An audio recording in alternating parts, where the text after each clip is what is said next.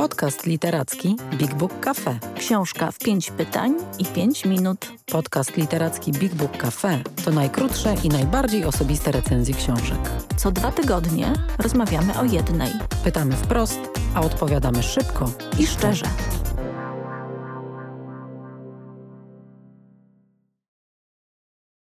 Odcinek dziewiąty. Witajcie w dziewiątym odcinku naszego podcastu Książka w 5 minut i 5 pytań. Dziś porozmawiamy o książce Leksykon światła i mroku Simona Strangera, wydanej przez wydawnictwo literackie. Opowie o niej Anna Król, a w rozmowie z autorem można będzie wziąć udział podczas zbliżającego się Big Book Festiwalu, do czego serdecznie już dziś Was zapraszamy. Nie przegapcie tej możliwości. A pytanie o książkę zada tym razem Julia Rzemek, która wprawdzie sama tej książki jeszcze nie czytała, ale zadbała już o to, żebyście mogli ją znaleźć na półkach w Big Book Cafe. Ania, to co? Zaczynamy. Przypominam, że na każdą odpowiedź masz 60 sekund. Uwaga. Zaczynamy. Tak jest. Pytanie pierwsze. Czy ta książka rzeczywiście, tak jak głosi tytuł, jest leksykonem? A jeśli tak, to co próbuje zebrać i uporządkować Simon Stranger? Tak, to jest y, faktycznie leksykon. Y, Zgodnie z y, zasadą leksykonu mamy do czynienia z porządkiem alfabetycznym. E, Simon Stranger używa liter, e, rozpoczynając od A, a kończąc na ostatniej literze alfabetu, ale to jest taki przedziwny leksykon. Rzeczywiście ja czasem jak myślę o tym tytule, to zamieniam go w głowie na leksykon dobra i zła, bo faktycznie to jest taka książka, która na bardzo y, różne sposoby, używając takiej zabawy językowej, właśnie związanej z wykorzystywaniem e, liter alfabetu, opowiada o takim dość porażającym, czasem niesłychanie zaskakującym e, spotykaniu się dobra ze złem. Te litery, które zestawia ze sobą e, Stranger, są bardzo nieoczywiste i to chyba czyni tę książkę naj, najwspanialszą z tego właśnie powodu bo wydawałoby się, że jeżeli pisze o złu, to te litery będą takie jak S czy S jak śmierć, czy właśnie Z jak zło, a on wykorzystuje literki bardzo niepozorne. Czasem to jest B jak buty, K jak kochanie, czy L jak leżenie. Okazuje się, że wszystkie te drobne czynności mogą także opowiedzieć o tym, co w nas jest najstraszniejszego, czyli właśnie o złu. To bardzo nietypowy zabieg jak na y, książkę literacką. Czy on się tobie podobał? Bardzo. E, bardzo mi się ten zabieg podobał i muszę powiedzieć, że to jest jedna z takich książek, która e, wciąga z każdą stroną. Na początku ten zabieg wydawał mi się zbyt formalny. Tak sobie myślałam, e, a cóż interesującego może być w tym, że przechodzimy od A przez B do C i D i co z tego wynika, ale szybko dosyć zorientowałam się, że poza tym, że Stranger rzeczywiście wykorzystuje tę wyliczankę alfabetyczną, to jednak jest w tej książce fabuła. E, to jest opowieść o e, dwóch znowu, tak jak dobro i zło, o, o dwóch e, rodzinach, których losy się ze sobą zaplatają. Całość dzieje się w Norwegii w latach 40. podczas okupacji niemieckiej.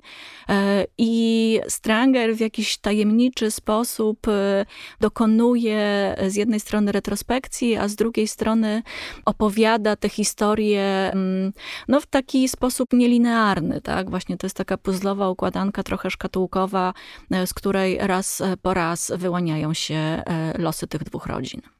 Czyli lata wojenne, opowieść o tym, co naprawdę literatura już dosyć mocno wyeksploatowała, prawda? Temat oprawców, temat ofiar. Czy Stranger mówi tutaj coś nowego? Czy on cię czymś zaskoczył w opowiadaniu historii generalnie dosyć jednak znanych? Wiesz co, tak, myślę, że mnie bardzo zaskoczyła ta książka i e, z takiego punktu widzenia faktograficznego, również nie tylko literackiego, wydaje mi się bardzo wartościowa. E, po pierwsze dlatego, że e, jest to opowieść o Norwegii czasów okupacji. Myślę, że my Polacy dużo lepiej orientujemy się w tym, co działo się, no oczywiście u nas, w Niemczech, w Rosji, w czasie II wojny światowej, natomiast moja wiedza na temat Norwegii wojennej była nikła i to jest z takiego właśnie punktu widzenia historycznego bardzo bardzo interesujące. Natomiast e, To, co chyba jest dla mnie najbardziej takie świeże w tej książce, to właśnie to absolutnie e, zaskakujące dla mnie zestawienie rzeczy maleńkich i wielkich, ważnych i pozornie nieistotnych. E, I wszystko to czyni z tej opowieści taką mieszankę, która po prostu zapada jakoś w nas bardzo głęboko. Zdajemy sobie sprawę z tego, że można opowiedzieć o e, miłości do ojca poprzez opisanie e, butów, które pozostawił w holu e, domu, w którym mieszkał w momencie, w którym zabrało go gestapo. Więc to są tego typu zabiegi, które sprawiają, że ta książka jest naprawdę bardzo świeża, pomimo, że odnosi się do tematów pozornie znanych. Czyli mocną częścią tych, y, tej książki, jak zrozumiałam, są też po prostu takie mikroopowieści, takie sceny, które można by powiedzieć sami mamy w pamięci z różnych naszych doświadczeń. Ja układając książki, jak wiesz, na naszych księgarskich półkach, często zastanawiam się, gdzie daną książkę postawić. Leksykon światła i mroku chyba jest taką pozycją, która łączy literaturę faktu i literaturę piękną. Jak byś mi tutaj doradziła? Czy to jest hmm. faktografia, czy to jest jednak przede wszystkim opowieść literacka?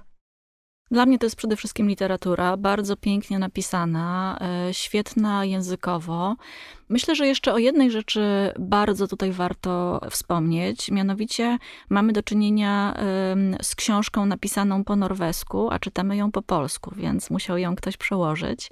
E, I tym kimś jest znakomita tłumaczka Katarzyna Tunkiel. I bardzo często czytając e, kolejne strony, zastanawiałam się nad tym, jak e, tłumacz e, tej książki zdołał sobie z tym poradzić. Dlatego, że wyrazy, które zaczynają się od litery na przykład A w polskim alfabecie mogą zaczynać się na przykład od T. I teraz to jest no, naprawdę ogromna robota, niezwykła, drobiazgowa i bardzo pięknie wykonana, którą warto docenić. Natomiast jeśli chodzi, wracając do Twojego pytania o to, gdzie ta książka powinna stać, to z całą pewnością powinna stać wśród najpiękniejszych e, tytułów e, literackich, e, niekoniecznie tylko literatury skandynawskiej czy norweskiej. Ta książka była wydarzeniem w Norwegii. W Polsce to jest pierwszy tytuł Simona Strangera, który się ukazał. Tak jak już wspomniałyśmy, Simon Stranger będzie gościem Big Book Festiwalu. Czy możesz powiedzieć o nim jeszcze kilka słów, żeby dodatkowo zachęcić przede wszystkim mnie do udziału w spotkaniu?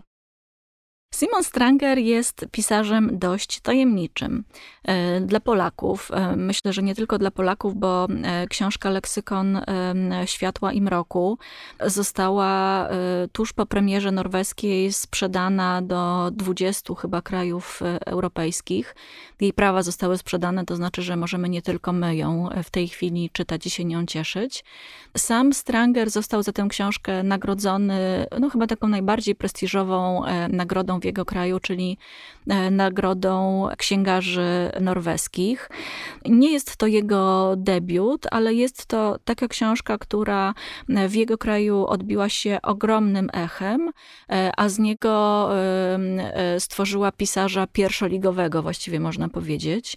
Myślę, że również dlatego w Norwegii ta książka cieszy się takim zainteresowaniem, że opowiada o historii także nieznanej Norwegom. Ja nie wspomniałam o tym, że w leksykonie Światła i Mroku, oprócz tego, że mamy te przedstawione, zestawione ze sobą losy dwóch rodzin, to mamy także e, życiorys zbrodniarza e, wojennego norweskiego, Henry'ego Olivera e, Rinana, który no, jest takim synonimem zła absolutnego w Norwegii. Rzeczywiście kolaborant, bestialsko niszczący ludzi, którzy działali w podziemiu norweskim. I on e, opowiada historię tego człowieka w sposób chyba do tej pory Norwegom też nieznany. Próbuje dociec faktycznie powodów jego e, zawziętości, e, jego nienawiści do ludzi.